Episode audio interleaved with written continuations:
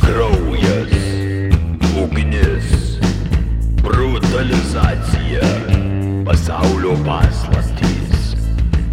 Čia proto pemza. Ei, aš perfrazuosiu. Alifukas au au. Čia mūsų jaunesniesiams klausytojams. Kakės makės toks biškai. Taigi vaikučiai, narkotikus stumdė. Alifukas au au. O raimis tuo metu. Sveiki prisijungę nepakartojamieji mūsų klausytojai. Jūsų ausyse proto pemza. Karšta kopūstų sriuba jūsų nuobodulio pagirioms pataisyti. Kaip ir 26 kartus prieš tai, improvizuotą pasisveikinimą jums siunčia pavojingiausi laiko vagys internete. Minios kontrolės ekspertas Tomas, Ahoj, hoj. kulkosvaidžio virtuozas Aivaras, Howdy ho. gaiduko glostimo entuziastas Povilas Ar antras sezonas prasideda mūsų kova? Uh, Gerai, ne, ne, ne. ne, ne, ne, ne, ne, ne, ne. Okay, gerai, gerai, gerai, aš sutinku, gerai. Labas. Ir aš dingti per 60 sekundžių Vilius. Pirmiausia, mėly klausytojai, siunčiame jums riebę padėką. Jūsų dėka jau metus laiko turime privilegiją kalbėti žinodami, kad kažkas mūsų klauso. 26 epizodai, dešimtis tūkstančių sekėjų ir šimtai tūkstančių perklausų. Apie nei vieną šių skaičių prieš metus net nesvajojame. Todėl keliame kepures, lenkiame galvas ir braukiam dėdės džiaugsmo ašarą. Ačiū Jums. Ačiū. Ačiū. Ačiū. Ir ačiū už visas dovanas ir linkėjimus ir žinutės ir piktus komentarus. Įžeidimus. Už įžeidimus Ir- ačiū. Jūs nematot, bet aš lenkiu galvą. Šiandienos tema buvo viena pirmųjų mūsų sąraše dar pernai, tačiau asmenybės dydis vertė laukti tinkamo momento. Sulaukime. Todėl pristatome jums paskutinio JAV visuomenės priešo numeris vienas istoriją. Taip, išaušo valanda Alvinui Karpiui. Su Public Enemy No. 1 etikete lietuvių kilmės karpis stovi JAV gangsterių Olimpe, greta Al Capone, John Dillinger, Pretty Boy Floyd ir Babyface Nelson. Babyface Nelson. Penkerius metus nuo 1931 iki 1936 Alvinas dirigavo žymiai Karpis Barker gaujai, kurios nariai be gailesčio plėšė, žudė ir grobė žmonės JAV vidurio vakaruose. Karpio gauja veikia Amerikai sudėtingų alkoholio draudimo bei ekonominės depresijos laikotarpiu. Gaujos piko metu 33-aisiais nusikalstamumo banga šalyje priminė tsunami. Palyginti su dabartimi, žmogžudyščių skaičius vienam gyventojui buvo tris kart didesnis, o ginkluoto apiplėšimų šešis. Ir mes čia kalbame apie Ameriką lyginant Taip. su šiandieną. Taip, taip. Tai buvo Wow. pakankamai blogai. Jo. Pakankamai blogai, labai švelniai skamba. Jo. Ir apie karpį pasakosime būtent dėl jo indėlio į šią statistiką. Šimtai tūkstančių pavogtų dolerių asmeninis JAV prezidento Franklino D. Roosevelto ir FTB vadovo Herberto Hooverio dėmesys, paskutinis traukinio apiplėšimas, pirmasis pabėgimas lėktuvu bei ilgiausiai Alkatraso kalėjime sėdėjusio kalinio titulas tai yra keli nedideli akcentai epinėje lietuvių emigrantų vaiko istorijoje. Ir užgrojęs Korsezės filmo soundtracko, koks funko tai- trekas. Ta prasme, jeigu nežiūrėt, nes matė Goodfellas, tai dabar susistabdykit podcastą, nueikit, pažiūrėkit Goodfellas ir grįžkit atgal. Į... Ten visą labą 2,5 valandos, tai neprailgs tikrai. Kaip jau galit suprasti, Karpio gyvenime visko tiek daug, kad sukišti viską į vieną epizodą būtų mirtina nuodėmė prieš jūs, proto pemzos klausytojus. Todėl Karpiui skirsime ne vieną ir net ne du, o visus tris epizodus. Tris epizodus. epizodus. Ir tai bus neabejotinai išsamiausia žymio gangsterio gyvenimo istorija lietuvių kalba. Pagaliau išaušo ta diena. Kažkas padarys teisybę. Pakol kas. Gal rytoj kažkas išleis 6 valandų tik toką apie karpį ir mum žopą. Anyway, Prieš pradedant, kaip ir visada, duoklė šaltiniams. Tai svarbiausias veikalas šiam epizodui - The Alvin Karpis Story. Paties Karpio 71 metais išleisti memorai su visomis sultingomis jo gyvenimo detalėmis. Ne ką mažiau svarbi buvo Julie A. Thompson knyga The Hunt for the Last Public Enemy in Northeastern Ohio bei Deborah Fredham ir Cynthia Schreiner Smith knyga Alvin Karpis and the Barker Gang in Minnesota. Užsitaisom ginklus ir traukiam į istoriją. Albinas Francis Karpavičius pasaulį išvydo 1907 rūpjūčio 10 dieną Kanados Montrealio mieste. Jo tėvai Jonas Karpavičius ir Ona Karpavičiane Kazakevičiūtė. Tėvas skirtingais duomenimis gimęs arba Kaune, arba Vilkaviškyje. O, O mama Ona kažkur Suvalko gubernijoje, veikiausiai dabartinėje Lietuvos pusėje. Taigi, pietų Lietuvos gyventojai, jei esate Kazakevičiai ar Karpavičiai, yra nemažas šansas, kad Alvinas tolimas jūsų giminaitis. a, ir vėl prie suvalkijos. Taip, geriausi žmonės iš tenai. Vulkanas ir suvalkai. Ant kiek kieta, aš įsivaizduoju, kad statistiškai visai tikėtina, kad dabar mūsų klauso kažkokias tai palikuonis ar giminaitis Taip, šito. esu žmogaus. visiškai tikras tuo. Kada tiksliai Albino tėvai persikėlė kitapus Atlanto, nėra aišku, bet žinoma, kad Ameriką jie pasiekė per kurgi kitur, o per Londoną. Ten ir gimė vyriausia šeimos atžala Albino sesuo Mihalina. Amerikoje Ona ir Jonas susilaukė jaunesniųjų mūsų herojų seserų Emilijos ir Klaros. Karpio vaikystė bėgo skurdžiame Kanzaso Topekos miesto rajone, netoli geležinkelio. Jis gimė Kanadoje, bet jie persikraustė į Ameriką. Taip. Ir aš praleidau kažką. Ne, ne, e, visiškai taip. Jie, e, vieni šaltiniai rašo, kad jie į Monrealį važiuodavo atostogų, kas skamba pakankamai neįtikėtinai, turint omeny, kad jie nebuvo pasiturinti žmonės. Mhm. Bet, kaip suprantu, tie vaikai gimė kas kur papuolė, be didelių kažkokių buvimų vienoje vietoje. Jie realiai pakeliui nuo Lietuvos iki Amerikos tiesiog prisigimdė vaikų, kur tai nutiko realiai. Driftindami, ne? Jo, tipo. vos ne. O Vos čia ne. sustojom pop hour kid ir move on. Kinda jo. Okay. O ką veikti tam laive tiek laiko plaukia? Jo. Ki- ki- Plauki kelis mėnesius, matys Jo. val. Mankštintis reikia. Jo. Biškis siubuoja, pusę darbo už tave padaro. Smart. Jo. Kaip ir minėjau, gyveno Kanzaso Topekos miesto rajone netoli geležinkelio. Kol mama dviaukštėje lūšnoje plušo su keturiais vaikais, tėvas bandė žongliruoti dviem darbais. Pasak paties Karpio, Kad išlaikytų mamą ir mūsų vaikus, tėvas dirbo kaip verkas. Prižiūrėjo ūkį, jei tą aptriušiusią vietą galima taip vadinti. Ir dar pilnu etatu dirbo dažytojų Santa Fe geležinkeliams. Jis niekad nenustojo hustle ir to paties reikalavo iš mūsų. Botagas visada buvo po ranka. Jei tik man reikėdavo priminti, kad nepakankamai dirbu namuose. Čia kaip kalvis, ne iš tiesų. Ei, bet primena labai em, to laikmečio, gal ir vyresnio laikmečio, bet to laikmečio emigrantų visą tą dalį, kai išsikraustė tėvai, man primena Ramenskį, nes Ramenskį irgi mhm. Mhm. panašiai augino tėvai, mama yra užsiemus, tėvas užsiemas, bet kitais reik- reikalais ir būti piktesniu negu viskas aplinkui. Tai šitas Mhm. muštras kažkaip vat, mm, pagimdo tokius veikėjus. Tai namuose buvo griežta, ne? Karpis labai daug apie savo tėvą nekalba, bet tai, kad jis išsirenka pagrindinį akcentą, jog jį varinėjo botagu, tikriausiai irgi pasako, kad, e, na, nebuvo švelnus tevelis labai. Kita vertus, aš galiu suprasti, kai dirbi du darbus, e, emigrantas 20 amžiaus pradžiai, tikriausiai nors, kad kas nors padėtų, ne, ir jeigu nepadeda, dir- dirbi 20 arba 22 valandas per parą, turbūt. Taip.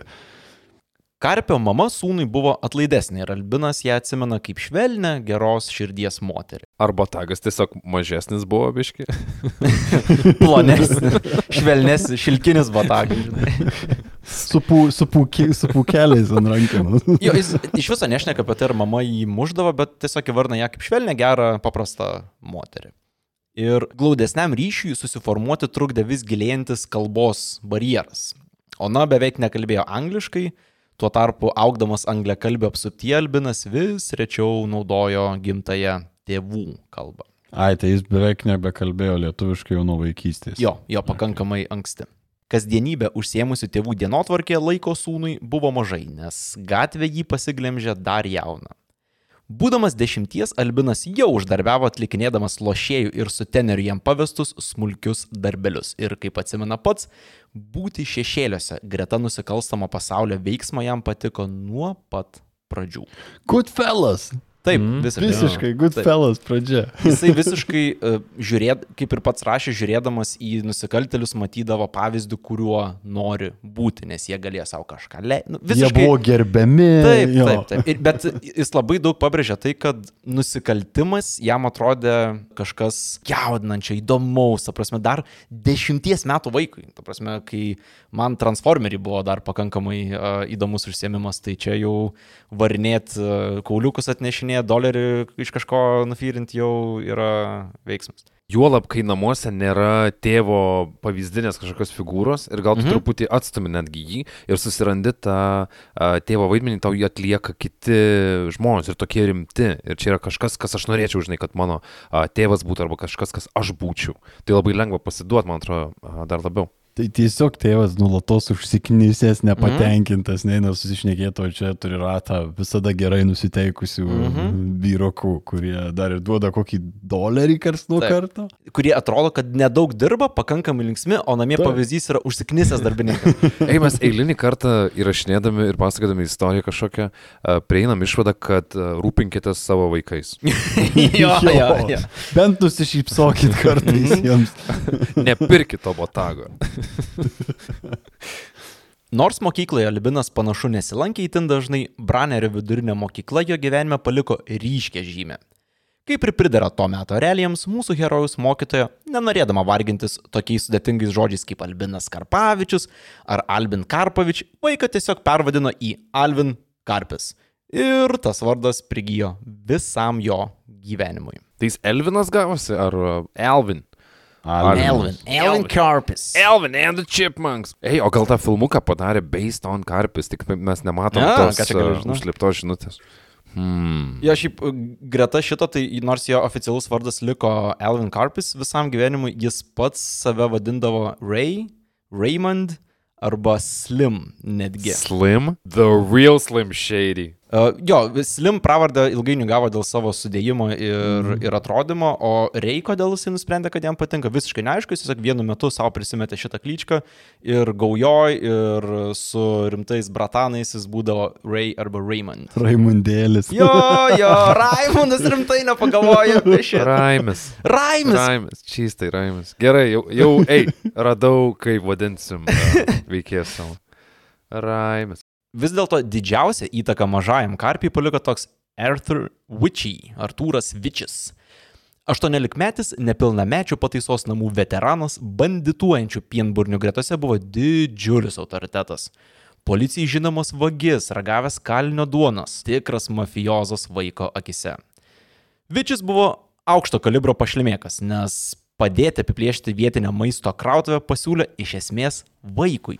Kai buvau dešimties, Witchy man atrodė didelis šulas. Todėl, kai jis paprašė padėti apiplėšti parduotuvę, sutikau net vėjodamas. Aš troškau pereiti į tai, kas tuo met man atrodė kaip aukštesnė lyga.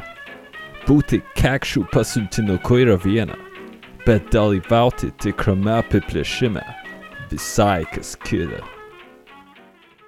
Tai vėlgi galim įsivaizduoti, kad turim dešimtmetį berniuką, kuris turi ambicijų dalyvauti apiplėšime jau. Ta prasme, jis jau mato, kad čia yra aukštesnė kartelė. Ta prasme, įdomus mindsetas, kaip minimum sakyčiau.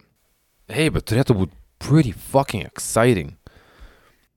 jo, čiuoju. Ta prasme, aišku, man ta vieta irgi apie patį Vičią daug ką pasako, nes jeigu tu 18 metais imi 10 metį jo. savo pagalbą, tai Ei, jeigu dešimtmetis stovi įsikandęs cigaretę ir A, jo.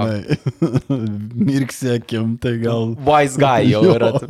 su, su pimp kepuraitė, žinai, vaikštus. Tas dešimtmetis tikriausiai daugiau raukšlių turėjo negu aš dabar. Jo, jis kaip tas vaikas iš Rusijos, Tai Damn.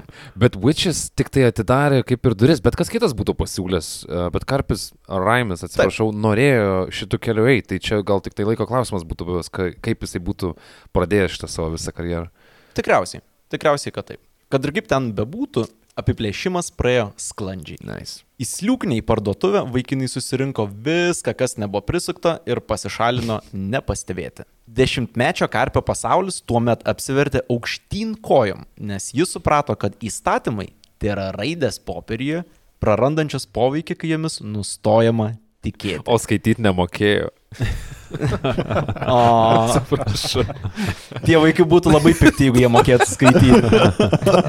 Jo, turbūt dar piktesni būtų.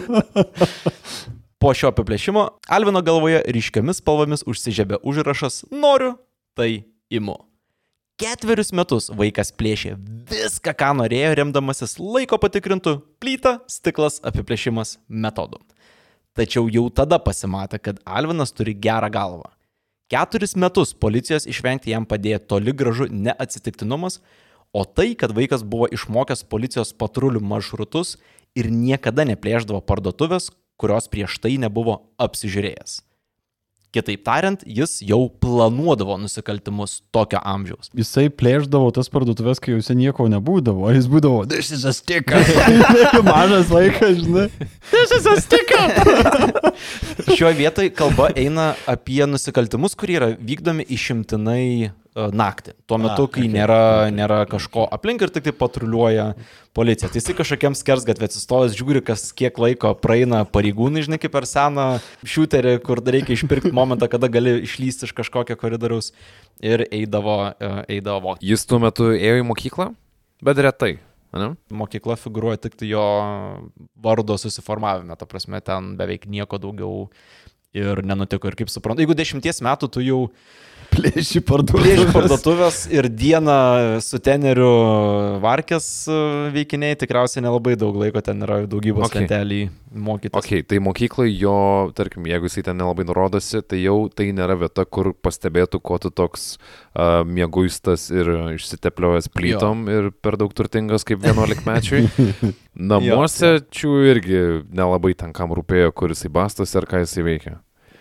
Taip, nes mama turi tris dukras, kuriomis reikia rūpintis, Mhm. mhm. tėvas dirba per du darbus, tai tikėtina kartais miega namie. Ei. Perfect storm. Jo, ir motinai reikia prižiūrėti, kad, kad tos dukros netaptų to tais žmonėmis, kurių, kurie siuntinėja Alviną. Taip, taip, kad Alvinui nereikėtų rūpintis. Jo. Jo. O gerai, ketverius metus, nuo 10 iki 14, aš suprantu, jisai plėšė, kad ir kas jam įvyko 14, bet per tuos ketverius metus tai vis tiek tu turi aktyviai plėždamas parduotuvės susikraut kažkiek tai uh, turtelio. Tai ar jis įtemdavo namo, ką jis veikdavo su tuo? rašė, kad e, pagrindė tai būdavo beveik beverčiai dalykai, nes jis nebūtinai plėždavo tam, kad uždirbti, bet buvo įsiskiepęs į galvą, kad kažką pamačiau, ko noriu, Aha. pasiimu. Ta prasme, labai paprasta, aiški logika ir pamatė kažkokią, kažkokį fainą žaislą, tai išdau, išdaužė langą ne tam, kad apiplėštų visą parduotuvę, o tam, kad pasimtų konkretų vieną objektą. Nice. Tai jis užaugo su nuostata, kad aš noriu, aš galiu, ta prasme, nėra kas man galėtų sutrukdyti tai, uh, tai padaryti. Paskui pasižaidžiau, numečiau ir Jo, viskas, daikto. taip.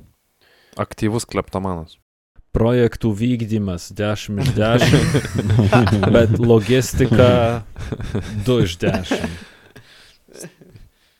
Kuomet Karpiai buvo 15, tėvas susirado valytojo darbą Čikagoje ir persikėlė ten su visa šeima. Tai du darbai versus vienas valytojo darbas Čikagoje yra geriau? Taip, Nice. taip, būtent. Okay. Tai, tai jis gal kokias e, radioaktyvas atlikas valė ar kažką tokio pavojingo labai. Kaip suprantu, valytojo darbas palyginus su tuo, ką jis darė, buvo švaresnis ir daugiau uh, apmokantis. Tas persikėlimas Alvinui išėjo į naudą. Dviejus metus jis sąžiningai dirbo pasiuntinuku vaistinėje. Ir jei nesveikatos problemos, gal jo kriminalinė karjera ir te būtų likusi kažkokia tai vaikystės išdaiga. Tačiau Alvinui pradėjus skūsi širdies skausmais, gydytojas pasiūlė keisti profesiją. Juokinga, kai dabar pagalvoji, kad pataisyti sveikatą turėjau mesti sąžiningą darbą. Bet tai padaręs, iškart grįžau prie nusikaltimų, kurie, švelniai tariant, gali turėti šalutinį poveikį širdies darbui.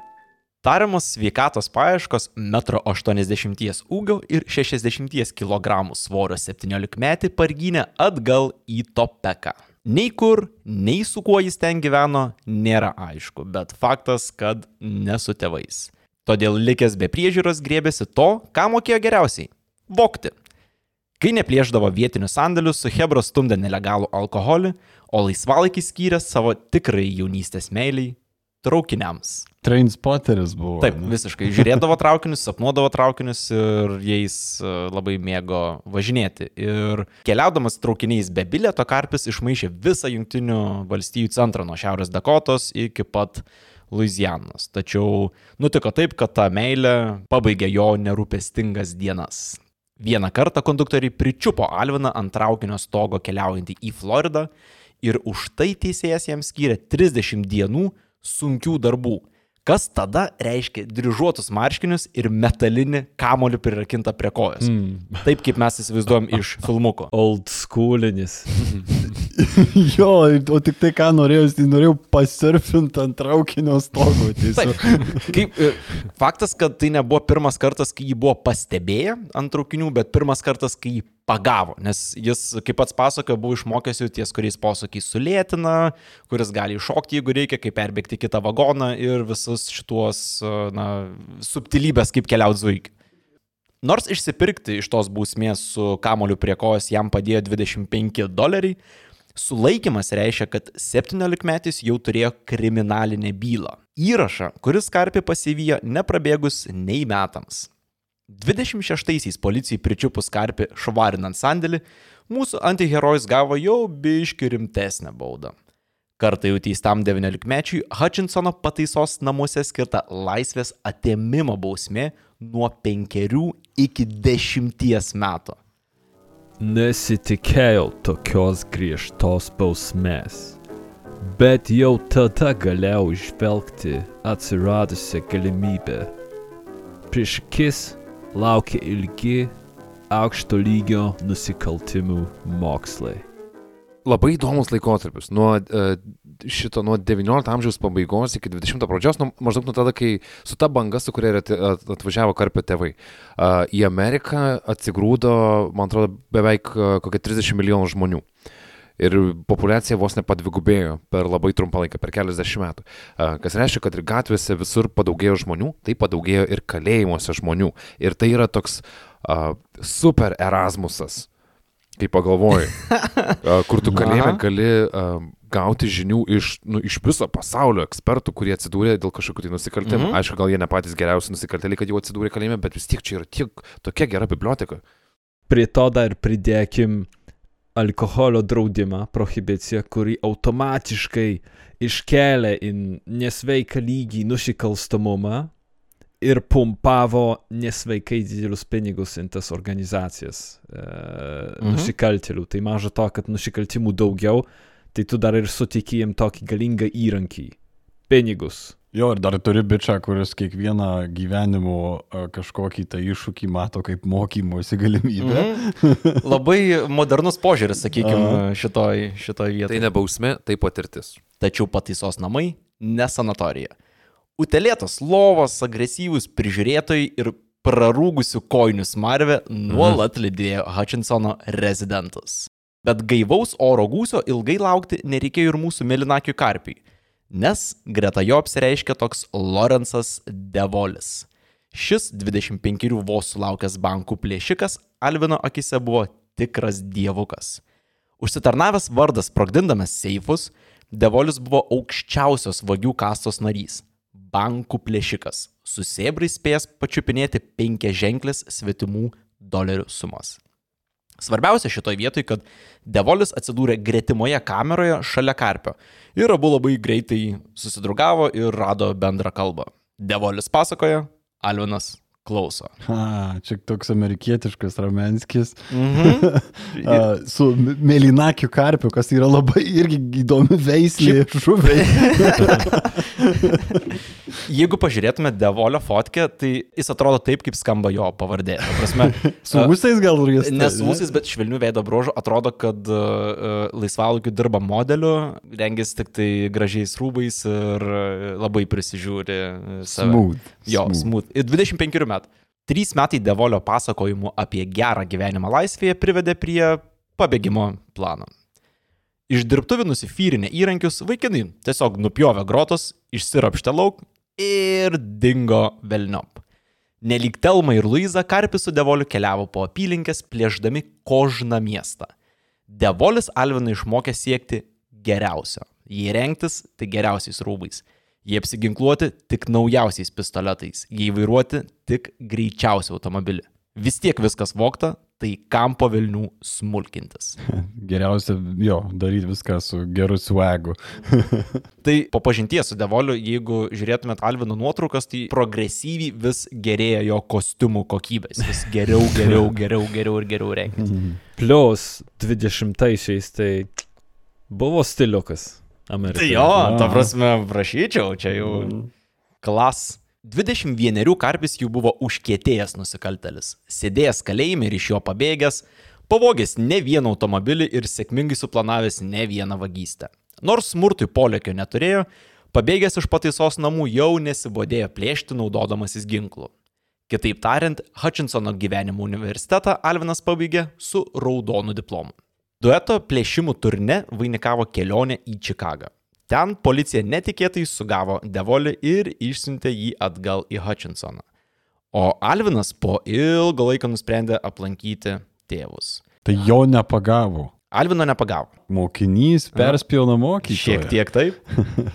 Ir Čikagoje vietoj šilto susitikimo su išsilgusiais namiškiais karpė laukia solidi, suvalkietiško pizdako dozė iš tėvo.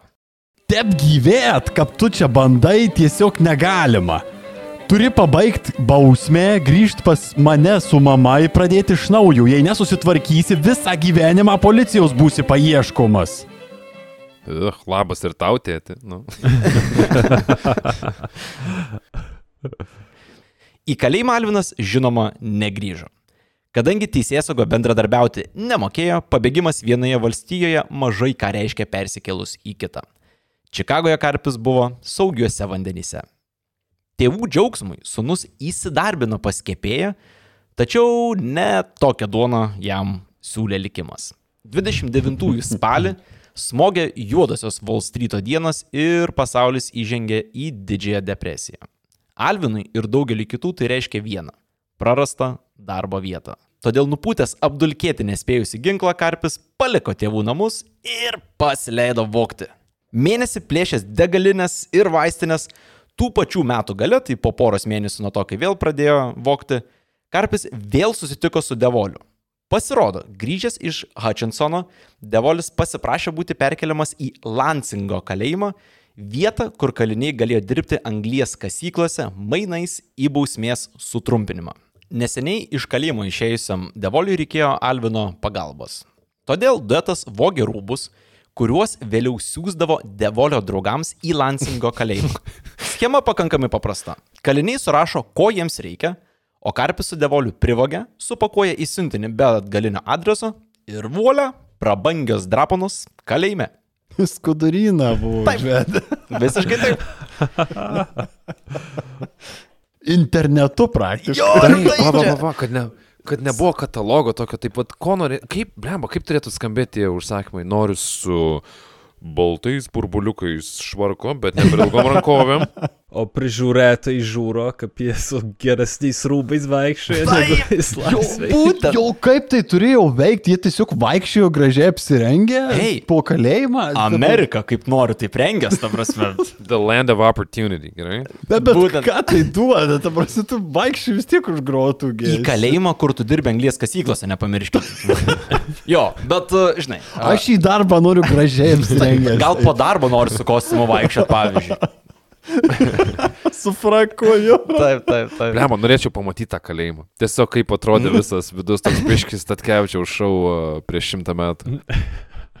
Trankytis su Devoliu depresijai traiškant Junktinės valstijas nebuvo lengva.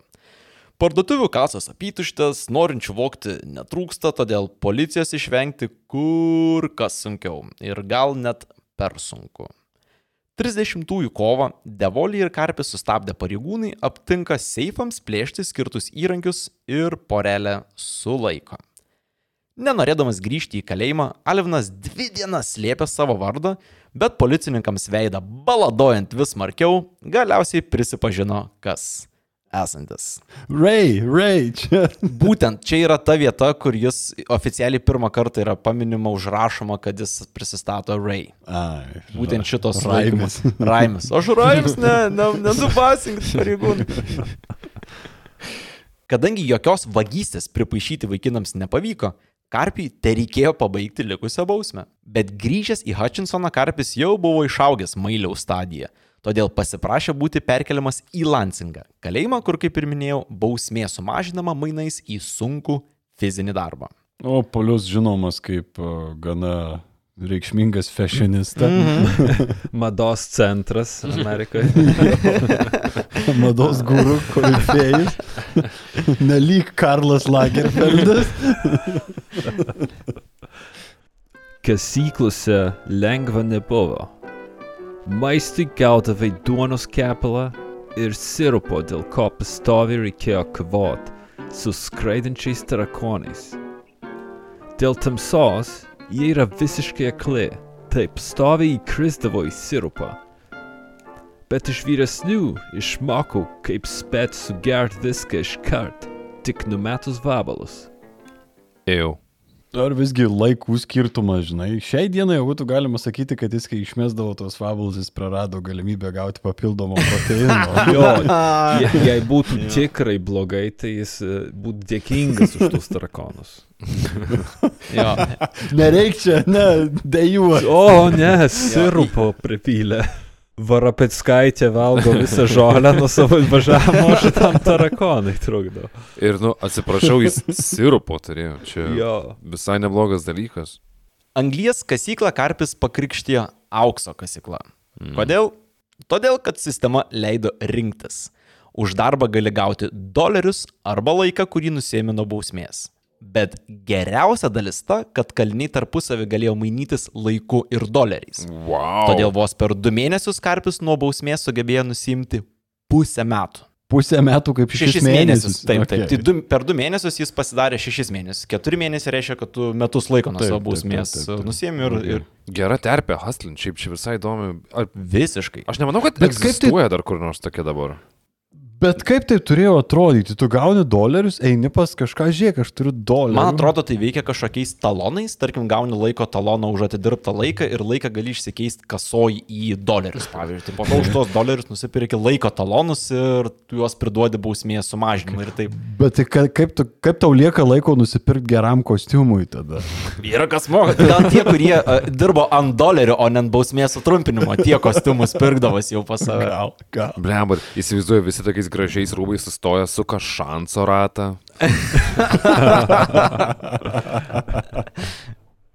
Kaip čia kažkas iš jūsų teisingai buvot pastebėję, tai Lansingas buvo tas kalėjimas, e, kurio gyventojams Karpis su Devoliu buvo privogę rūbų. O tai reiškia, kad Alvina ten jau žinojo kaip normalų bičią. O normaliems bičiams kalėjime nėra jau taip ir blogai. Jau antrą savo viešnagės vakarą Alvina pas save šūktelėjo kitas kalinys. Jo rankoje tabako dėžė prigrūsta marihuanos. Naujasis draugas padalino suktinės ir visi Hebroje užsidūmijo. Kol kažką pajaučiau, praėjo geros dešimt minučių. Bet kai jau kirto, tai negalėjau nustoti kikent. God damn, surikau, čia pas jūs dar smagiau nei laisvė. Wow. Greit pagavo Jo. laivą. O kaip greitai šitas įvyko jam atvarius į kalėjimą? Antrą vakarą. Antrą vakarą. An, ant, antrą vakarą kaip welcome Jis ten greitai labai pritapo, labai greit pritapo, jau jį ten žinojo ir šiaip beje pasaka, kad marihuaną augino kaliniai kalėjime. Sode, ta prasme, net nesislėpdami nuo kažko ir visas karbonkė kainuodavo 25 centukus. Jeigu... Arba dvi maikės. Ar tada jau buvo nelegaliai JAV, ar dar ne? Į gal dar tada net nebuvo draudžiama. Man atrodo, kad ne. Irgi čia ne, nepasitikrinau šimtų procentų, bet jeigu galėjai auginti kalėjimo sodę, spėčiau, kad ne tiek nelegali, kad draustų bent jau. A, Jo labiau, kad bal, turbūt daugelis buvo baltieji, o jie mėgo gaudyti labiau tarp, tarp juodavodžių, kurie plantacijose buvo pripratę vakarais užsitraukti ir bliuzą groti. Tada Alvinas dar nežinojo, bet jointų jis dalinasi su būsimu geriausiu savo draugu - Fredžiu Barkeriu. Bičiu, su kuriuo abu vyrai suburs legendinę Karpis Barker gaują. Frederikas Džordžas Barkeris, draugų vadinamas Fredžiu, buvo šešiais metais vyresnis už Karpį. Įdomiausia, kad Fredis ir trys jo vyresni broliai Hermanas, Lloydas ir Artūras visi buvo vagys ir nusikalteliai. Kai Alvinas susipažino su Fredžiu, vyriausiasis Barkeris Hermanas jau buvo išsitaškęs savo smegenis bėgdamas iš kalėjimo. Antras pagal amžių brolis Lloydas atlikinėjo 25 metų bausmę už banko apiplėšimą, o trečiasis brolis Artūras, kuris vėliau prisijungė prie gaujos, sėdėjo kalėjime už tyčinę žmogžudystę. Tai, sakykime, tokia nebloga šeiminėlė. Patologinė. Šeimos verslas eina. Tai tikriausiai e, nieko keisto, tačiau visų banditų mama Arizona Donny Clark. Dar geriau žinoma Ma Barker vardu. yeah, baby. Būtent apie ją ir suokia Europos ir Karibų ritmus derinantis vokalinis ansamblis Boniem dainoje Ma Baker. Ma Baker, ne, praleido vieną raidę. Specialiai. Tai kai girdit lyriksus apie uh, mylimus uh, sūnus tenai, tai būtent apie, apie Fredį ir jo vyresnius brolius dainuoja. Rūkančių žolę. Mhm. Mhm. Fredis su Alvinu sutarė nuo pat pirmų dienų. Maždaug 1,60 m jis buvo linksmas, šaltakraujus žudikas, pilna burna auksinių dantų. Tai įsivaizduokit maroziškesnę Tommy Devito iš Goodfellas versiją prie bairio, bet gali šaltų veidų peršauti tau galvą, jei neteisingai į jį pasižiūrėsi. Fredis Karpiai parodė, kaip atrodo gyvenimas perėjus į tą vadinamą aukštesnę lygą. Fredžio kalėjimo kameroje buvo maistu nukrauta lentyna, nedidelė biblioteka ir rašomasis stalas. Savo hebrai jis rengdavo piknikus, serviruodamas šviežią vištieną, duoną ir pyragus. Kas kalėjime tikrai nebuvo įprastas maisto racionas. Ką jau kalbėti ir apie minėtą kanapių auginimo startupą, kurį Fredis taip pat Na, jis prižiūrėjo. skamba kaip atostogos. Jo, tai žinai, kad ir kalėjimas, ale gyventi tikrai galima. Work and travel. Ei, tikrai Erasmus. Ei, bet gražiai apsirengė, gerai pavalgė, pridaužė. Ko nenusikals? Ir da, ir da užsidirbęs grįžti. Nu, Taip, ir susitrumpini bausmę. Amin. Pasportuoji, pavalgai gerai. pasisocializuoji, draugų susirandi, vėliau gali burelį sukurti savo. Am, Wow. Ir, ir da jiem keista, kodėl tokis aukštas nusikalstamumas buvo. Taip, meanwhile visą likusią Ameriką ieško darbo, ta prasme, kol džokai rūko gandžią. Ir... Ir, jo, ir, ir grilina vištienos krūtinėlę. Tai tikroji American Dream buvo už kalėjimo sienų pasirodo uždaryta. Jo, bet aišku, jei buvai savas bičias, jau pasižymėjęs. 31 kovo, nepraėjus nei metams nuo sulaikymo, Karpis jau buvo laisvėje. Išėjęs patraukė į Tulsos miestą. Keliais mėnesiais anksčiau į laisvę išėjęs Fredis pasiūlė jam po kalėjimo ten apsilankyti. Tulsoje Karpis pirmą kartą susitiko su Ma. Atvykęs į Barkerio rezidenciją, Alinas išvydo maždaug 1,50 m šiam 5 kg moteriškę, bandančią prie laukinio lango prikalti tinklelį nuo odų. Ar jūs, uh, Mrs. Barker, Ta pati. norėčiau pasikalbėti su Fredžiu? O pats kas toks būsi? Aš su Fredžiu dalinausi kamerą Lansingė. A, nu jo, pasakoju ant apie patį. Sakė, kad greit išeini. Iškart vaiks mamą aplankyti po kalėjimą atvažiavo. Ants labai geras berniukas yra. Ačiū labai už šitai. tai Karpis apibūdino ma kaip, na, tokia redneck lady, nežinau, kaip mužikavota moteris. Mužikavota. Pasisiūlęs padėti įkalti Vini Karpis užsitarnavo vietą mažoje banditus mylinčioje maširdutėje. Tik tiek užteko? Ar čia įkalti vieni kažkokią metaforą? Ne, ne, taip ir galvau, kad bus šitai. Bet ne, tai Prisimink, buvo, su kuo kalbi. Nu, jo, tai buvo nuoširdus pagalbos pasiūlymas. okay. Įkalti tikrą vinį, ne, įkalti. O kas ten žino? O kas ten žino? Yes. Jo, tai kaip pats Alvinas atsiminė, Ma greit jį priemė kaip dar vieną savo sūnų. Ir į filmą jis ją nusivesdavo, ir namie škadų nekeldavo, indus susiplaudavo, nu, gers berniuks, ne? Susitikęs su Fredžiu, Alvinas laiko ilgai tikrai negaišo. Pasiemė dar kelis kalėjimo naparnikus, pradėjo plėšti rūbų ir juvelyrinės parduotuvės. Bet nei didelių pinigų, nei kažkokios ten labai ypatingos sėkmės nebuvo. Kurį laiką Karpis krimtosi, kad vis dar žaidžia mėgėjų lygoje. Ir proveržio teko laukti iki pat rudens, kol vieną vakarą Fredis namo parėjo visas spurdėdamas. Ne, dabar taip. Um, yra tokia situacija. Žinau tokį banką mm, Mountain View miestelėje. Čia, Missouri. Jį lengva paimti, jei suprantat, ką turiu omeny. Labai daug tokių dvigubų, dvigubų innuendo. Su vinių kalimu, su, su paėmimu lengvu.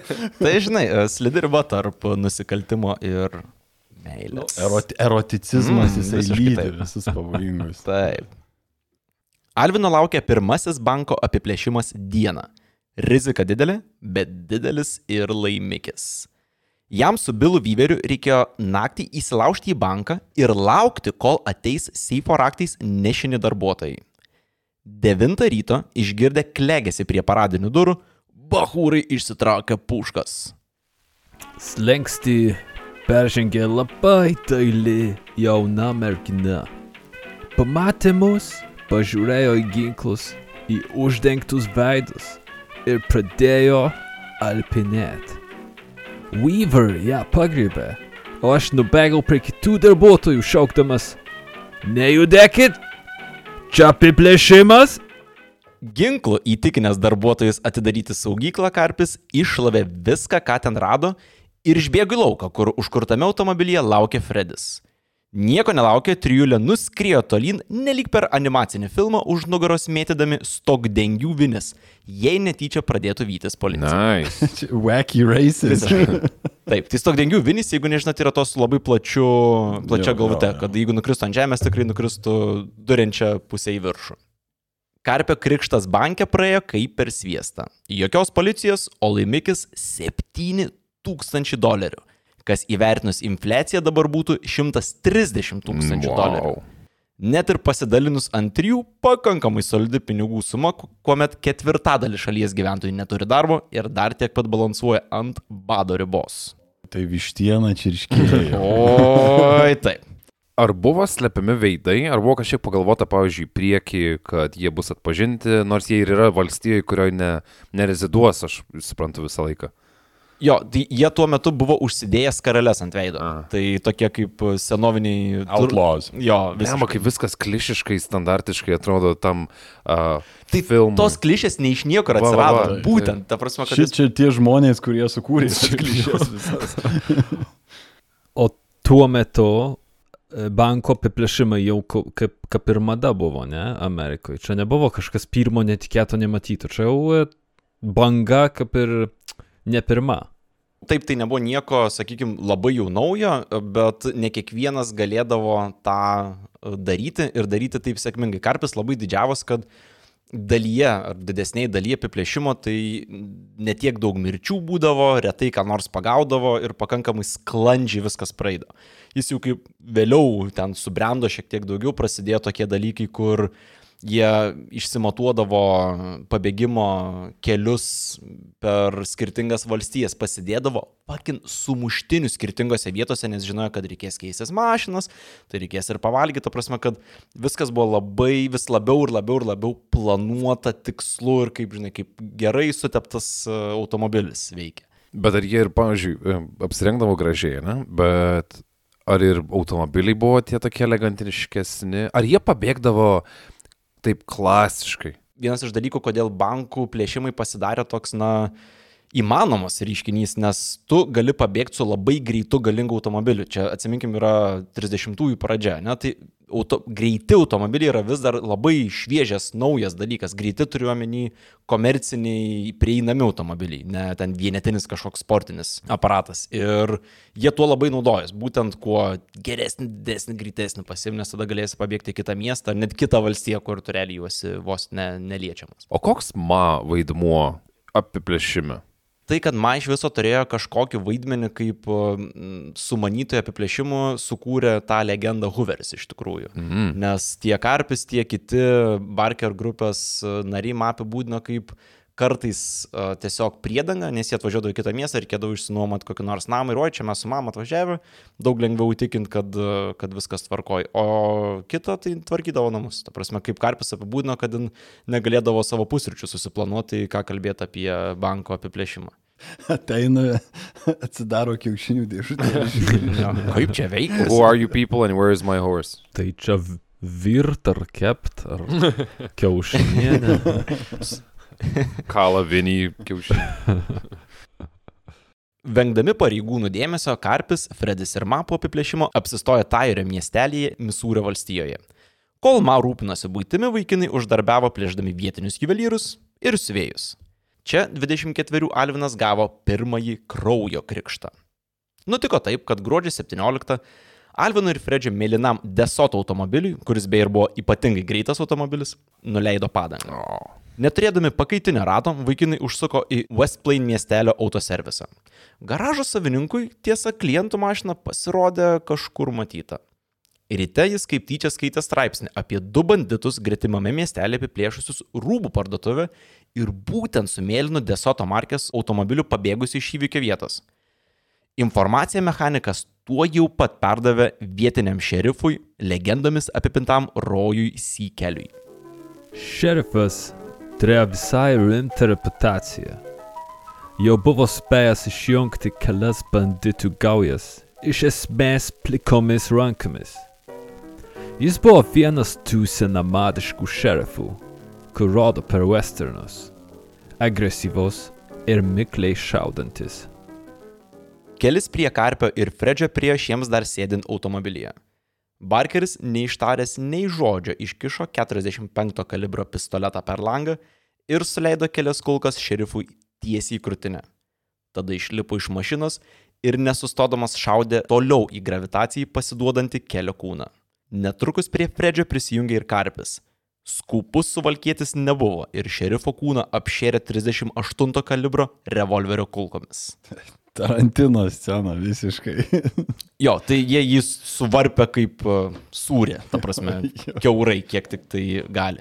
Ir Karpis tai teisina baime, kad, uh, na, jis buvo hard ass šerifas ir nebuvo ten laiko, kada kalbėti, išsičiešinti iš situacijos, imt ir žudyti. Ir kaip Karpis visą laiką ir daro, patikė, kad Fredis čia Jau nušovė Fredis viską padarė, Fredis sugalvojo, bet jis memoaruose net sako, kad jo net nebuvo toj mašinai, jis iš viso namie buvo, bet yra liudininkų, kurie matė jo veidą. Ir jie paskui šoko į tą itin spartų Mėlyną desotą. 40 mylių per valandą važiuojant į mėlyną desotą. Tikriausiai. Šį band Rūko iš miestelio. Jo. Tai teisingai, Aivarai, labai sakai, nes nušovę pareigūną, Karpis ir Barkeris suprato situacijos svorį.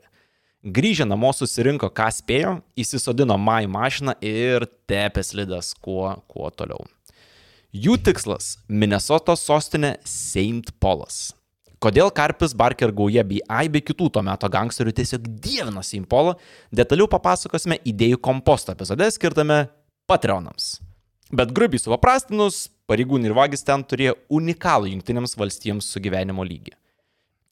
Mėgstamiausio karpio vieta Sinpolė tapo Green Lantern baras - žalesis žibintas, nieko bendro neturintis su komiksų herojumi. Green Lantern prohibicijos metu netrūko nei alkoholio, nei moterų, nei pinigų, nei vietos. Jei buvai pakankamai blogas, ten galėjai turėti viską. Ten, man atrodo, atsirado Guns N' Roses inspiracija. Jo, tikriausiai. Žaliam žibintui dirigavo toks Haris Sawyeris, pravardė Olandas. Tikroji Olando pavardė Sandlovičius. Ir gimė jis ne kur kitur, o taipogi Lietuvoje. Holy hell. Jep. Puikiai žinia lietuvių kilmės karpiai, ieškančiam, kaip atkreipti St. Paulo šešėlinio pasaulio šulų dėmesį. Negaliu iki tap įsivaizduoti šito momento kaip grobuonin. Dutch, kuris, kurį vaidino Schwarzeneggeris su High Five'ino, su Karlu Weathersu. You son of a bitch. Šiaip, funny enough, bet uh, Karpio ir Rolando pokalbėse Lietuvos vardas šmėžuodavo uh, ne kartą ir net šaltinį mini, kad padėjo susibondintiems surasti artimesnį ryšį, kalbantis apie Lietuvėlę. O tai įdomu, ką jie šnekėjo Gal- apie Lietuvą. Kūrė sekmadienio mokyklą. O, atsimeni Kauną. O palaikyti gerus santykius su žaliojo žibinto savininku 24 metų ambicingam pieniui reikėjo. Iš Olando gali atkeliauti ne tik pelningi darbai, bet ir kvalifikuotas personalas.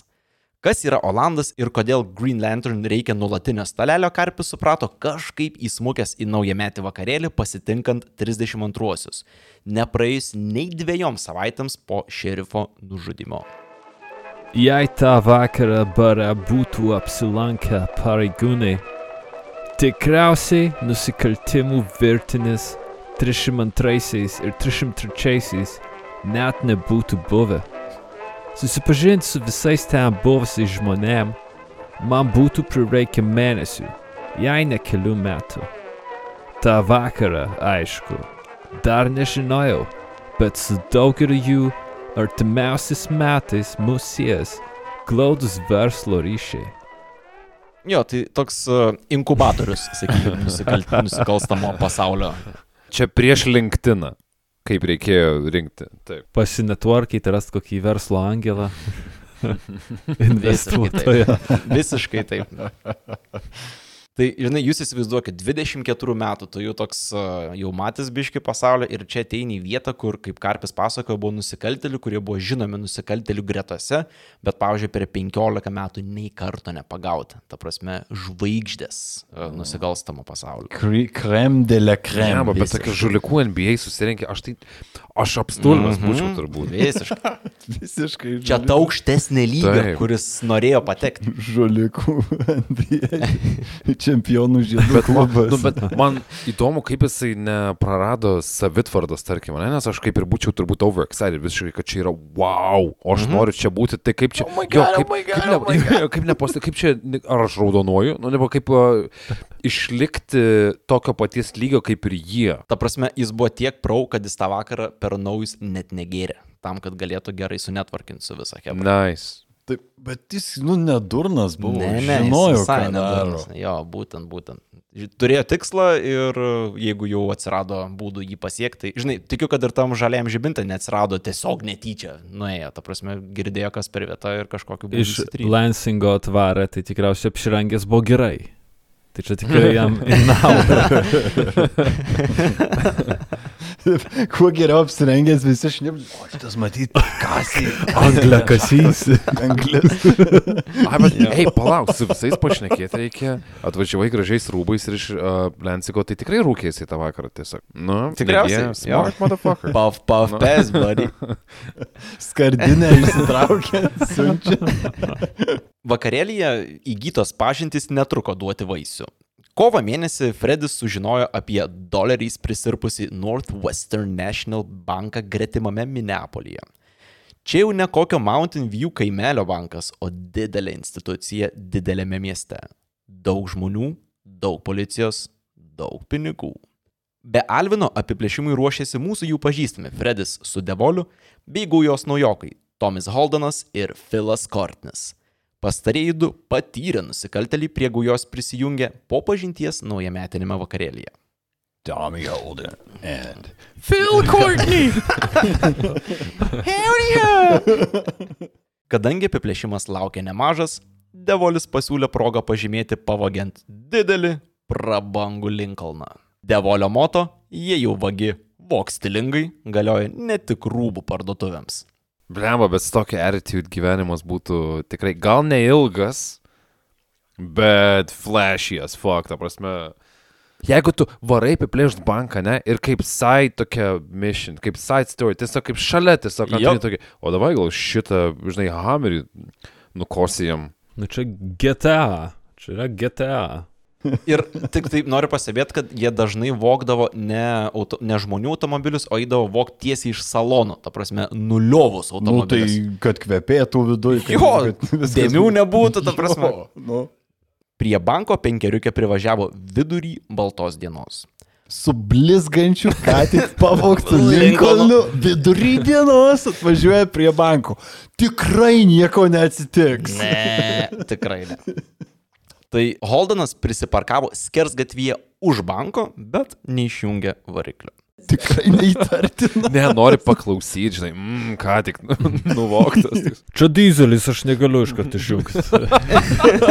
Turi prasivaikščioti. Tai kol Holdenas tikrino dizelinio variklio ypatumus, Karpis, Fredis Devolis ir Kortinis patraukė į banką pro paradinės duris. Jie į vidų bahūrai išsitraukė ginklus ir informavo žmonės, kad jie ką tik atsidūrė apiplėšime. Alvinas su Kortiniu užsiminėjo publikos valdymu, kol Fredis su Devoliu grasindami ginklais nusivedė kelis banko darbuotojus link seifų. Atsiminimuose Karpis piktinosi itin neprofesionaliu Kortiniu, kuris vagystės metu bandė nusikabinti paną. Tuo metu Freddy su Devol judėjo greitai. Nusivedė kasininkus į saugyklą, kur tie atsirinko septynis seifus.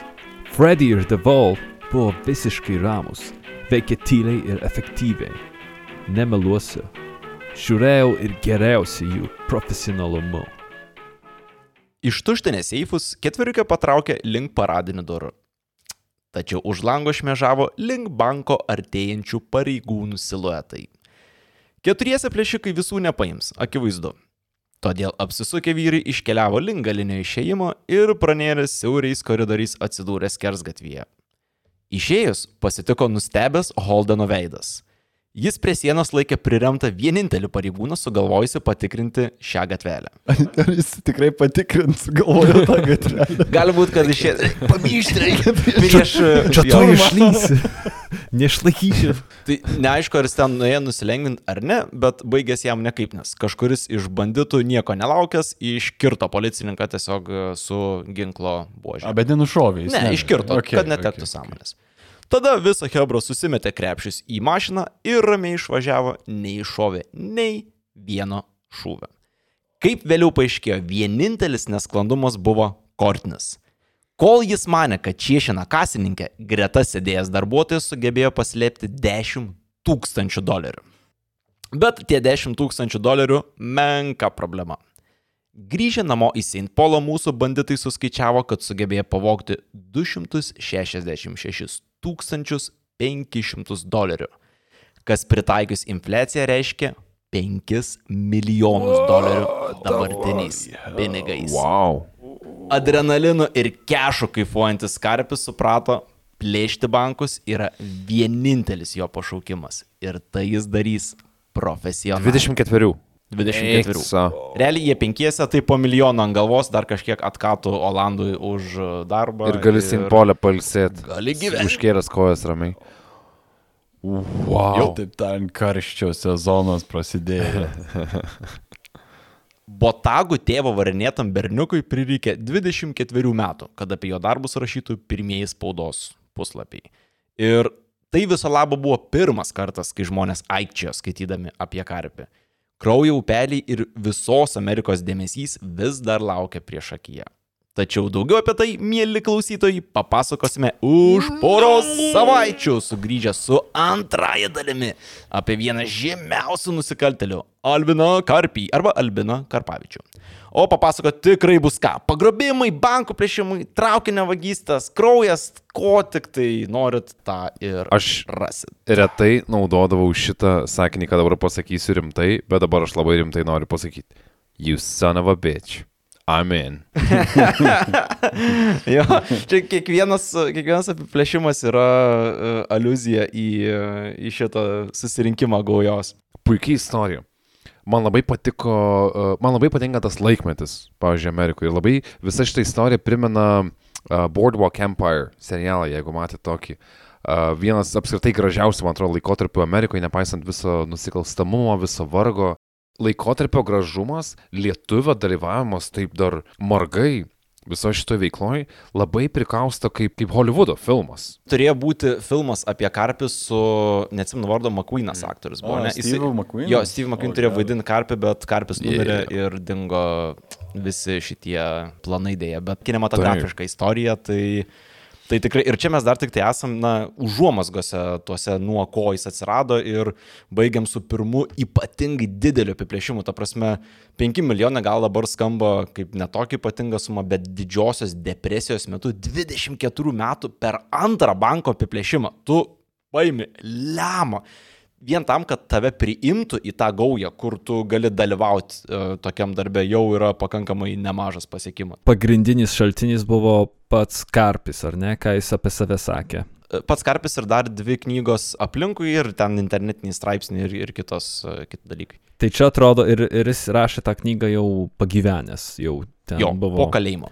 Tai e, kažin, ar jis tuo metu suprato, kad jis mokinasi, ar jisai iš, iš vaikystės išsinešęs tą svajonę, kad aš noriu būti gangsteris. Ir viską savo gyvenime jisai pa, kaip ir pakinkė šitai svajoniai, ar tik tai po fakto, kaip jau buvo senas dėdas, jisai suprato, kad, o, aš šitam kalėjime tai šito išmokau, aš šitam kalėjime šito išmokau, aš nuvarau šitą klubą su šitais žmonėms, susipažinau ir tokiu būdu jis savo statusą ar savo, žodžiu, karjeros laiptų aukščiau pakilo. Dėl to, kad iš, iš to, ką sakei, tai piešasi vaizdas tokio žmogaus, kuris nuolatos mokinosi, kuris Mhm. mhm. nesibodėjo vystytis, pastoviai ir naujų galimybių ieškoti. Vienas maras iškalbingas akcentas yra, kad jis gaujoje buvo laikomas uh, smegenimis, the brains behind the operation, ne? Tai atrodo, kad uh, tokio pobūdžio žmogui mokymasis yra kaina privalomas, o jeigu tu nori padaryti geresnį darbą negu, geresnį apiplėšimą kitą negu prieš tai, tu turi statyti ant turimų žinių, mm. ne? Tai atrodo, kad vyko šitas procesas. Ar tai vyko sąmoningai, sunku pasakyti iš tikrųjų. Sąmoningai ar ne, bet akivaizdu, kad imlus buvo kaip velnės viskam, ką matė aplinkui. Nes 24 jau į tokias būti įsisukus, būti su networkinu, su pačiais kiečiausiais to meto nusikaltėliais Amerikoje visoji. Per, atsiprašant, aukso amžių tokių nusikaltėlių, tai čia yra, nu, reikia ir kiaušų, ir smegenų tam. Plus, nepamirškim, paskutinis apiplėšimas, vėlgi, aš nežinau, kaip jį kitaip patik, bet jis buvo tokio didumo, kad valstijos e, laikraščiuose tai buvo pirmo puslapio naujiena. Bet čia tik karjeros tramplinas šitas apiplėšimas, taip? Čia dar... Jo, jo, čia po to uh, išmatos trenkėsi į ventiliatorių. Ta prasme, po to apetitas jau nebemažėja, ta prasme, tu nebenori Tai aišku. eiti vokti rūbų parduotuvių, tu nori bankų plėšti. Lemą, kaip laukia aš tos istorijos toliau. Aha, bus jo. bus laukimo truputėlį. Šiaip jo, e, labai rekomenduočiau, nes pats žiūrėjau iš tikrųjų Goodfellas per vidurį rašymą ir buvo toks, o, oh, fuck, rimtai, čia labai susi, susiderinęs. To tik tiek, kad Goodfellas, jeigu buvo gangsteriai, tai Karpis save laikė ne gangsteriu, o robber. Jis uh, Jo, aš nereketininkas, aš esu nežudikas. Ir, o ir la, laikmetis visai. Laikmetis net tas. Jo. O jo, laikmetis visai, visai ne tas, bet tiesiog jo vaikystės tos ambicijos uh, yra tame diapazone. O, o man kažkaip labiau tas uh, Public Enemies, man atrodo, su Johnny Deppu apie Johną Dillingerį. Apie šitą laikmetį tikrai Boardwalk Empire man labai į, įgražino šitus uh, laikus ir šitą prohibicijos tipo laikotarpį visą ir, tai, uh, ir visą tą metą. O tai kiek šitam vaidmeniu atlikti uh, tada uh, Ramūnui Rudokui reiktų numesti svorio? Arba kas jį vaidintų? Daug. Visų pirma, jis per žemas, man atrodo, būtų Jo. tokiam vaidmenį. Jis čia metras, aš apie metrą aštuom ir labai labai plonas. Aš turiu labai ne, neortodoksinį pasirinkimą, jeigu dabar darytų filmą būtent apie karpį, bet Na, manau, na, kad žiauriai gerai suvaidintų Benediktas Cumberbatchas. Plambo. Jeigu biški pasišviesintų plaukus, Nu. tipo turi tą keistą veido struktūrą Jo, tokią, jo. tai... Aukštas, viską. Aukštas, jo, jo. Savo Šerloko metuose dar. Aha, tai buvo. Arūnas Sakalauskas galėtų vaidyti Dutch, Olandą. jo, jo. Tai O, Ramūnas Rudokas galėtų būti Tom Conley. Courtney, Tom Courtney. Tai e, jeigu dar nesate, pavyzdžiui, mūsų patronai ir norėtumėte išgirsti daugiau turinio, kurio mes jums ten. O dėjo mano, kiek turim daug pasiūlyti, net ir idėjų kompostą, kuris... Protų. Taip, net ir idėjų kompostą, kuris lydėjo šitą epizodą ir dar 20 kitų idėjų kompostų. Ir, lydės. jeigu ne... Arba norit mums pasiūlyti uh, idėją turiniui, kurį išgirsit, nes uh, patronai irgi gali uždavinėti klausimus, į kuriuos mes atsakom, geriau arba mažiau taikliai. Ir karts nuo karto, nu nežinau, alaus bokalas kartu. Je- Jeigu norit papildomo turinio, susitikti, įsitraukti į daugiau į mūsų tinklaladės kūrimą, tai patreon.com slash proto pemza. Bra brain scraper kultas jūsų laukia. Taip, visada laukiam jūsų ir visada deliverinam iš tikrųjų. Tiek šį kartą iš mūsų būtų. Labai ačiū, kad klausėt. Vėlgi labai ačiū, kad metus esat kartu su mumis. Mes labai patenkinę esam. Davėm savo iki metų, gaunasi, kad dabar jau ir po metų būsim. Ir dėka jūsų. Tai tiek šį kartą tada iš mūsų. Sakome jums nuoširdų. Iki. Arrivederci. Einu gaiduką glostyt. To ja, to ja nie nustaj glasit, kapčiam. Gerai, iki. Iki. Davai. Papa. Hei, hei. Jei galvoji, kad viskas jau baigėsi, apsirinkė. Žinai kodėl? Todėl, kad mes niekada nepamirštame pasakyti milžiniškai didelio ačiū savo patreonams. Ačiū Jums, kad palaikote mus, be Jūsų pagalbos niekaip negalėtume tęsti šitos tinklalaidės. Jau galvojat, hei, kodėl girdžiu vieną Vilių, tai todėl, kad Vilius sėdi kambaryje ir įrašinėja Jums padėką. Tai daroma todėl, nes norime padėkoti naujausiam Patreonų sąrašui. Tomo, Aivaro, Paulo ir savo vardu sakome milžinišką ačiū. Godai, Ufanautui, Ugniai, Medai, tavo tėvui, Jorindai, Mikalojui, Vytautui, Povilui, Simonai, Simonui, Ritai, Mykolai, Medai Kotrynai, Gretai, Medeinai, Austėjai, Viliai, Brigitai, Remigijui, Ainui, Evelinai, Mariui, Gretai, Gabrieliai, Ingridai, Gretai, Vaidui, Viktorijai, Vytui, Rūtai, Žygimantui, Evelinai, Škimelytei, Žilvinai, Egliai, Linetai, Vaidui, Beneckui, Gintariai, Irenai, Daivai, Mariui, Gyčiui, Daliai, Andriui, Lukui, Laurynui, Domantui, Aidui, Aileng, Justinui, Dariui, Gintui, Martynui, Sauliui, Kestučiui, Viliui, Martynui, Rolandui, Dan, Šarūniai, Gražvidui, Edvinui, Gabijai, Dovydui, Mariui, Tomui, Romkai, Virginijai, Povilui, Smaidroniui, Simonui, Henrikui, Davidui, Lincijai, Linai, Gabrieliai, Gediminui, Gintai, Silvijai, Edgarui, Robertui, Domui, Richardui, Mantrimui, Simui, Rimantijai, Donatui, Mantvydui, Karoliui, Edijai, Andriui, Mikui, Sauliui, Indriai, Ninskaitai, Marijai, Mantui, Elenai, Audriui, Šarūnui, Agniai, Anastasijai, Skirmantijai, Sandrai, Mildai, Raimundui, Marijui, Giedriui, Gvidui, Simui, Mariui, Kūgiui, Gabrieliui, Kazimierui, Juliui, Vytautui, Rasai, Karoliui, Editai, Rasai, Aistei, Jurgitai, Kerniui, Mildai, Benui, Mindaugui, Simui, Tomui, Giedriai, Laurai, Arvidui, Rokui, Pauliui, Giedriui ir Daviliai. Ačiū Jums, jei nebūtų Jūsų, nebūtų ir mūsų. Tikimės, kad apsilankysit mūsų Patreone ir susirinksit visą tą turinį, kurį mes darom tik realiai dėl Jūsų. Tai ačiū Jums ir iki kitų kartų.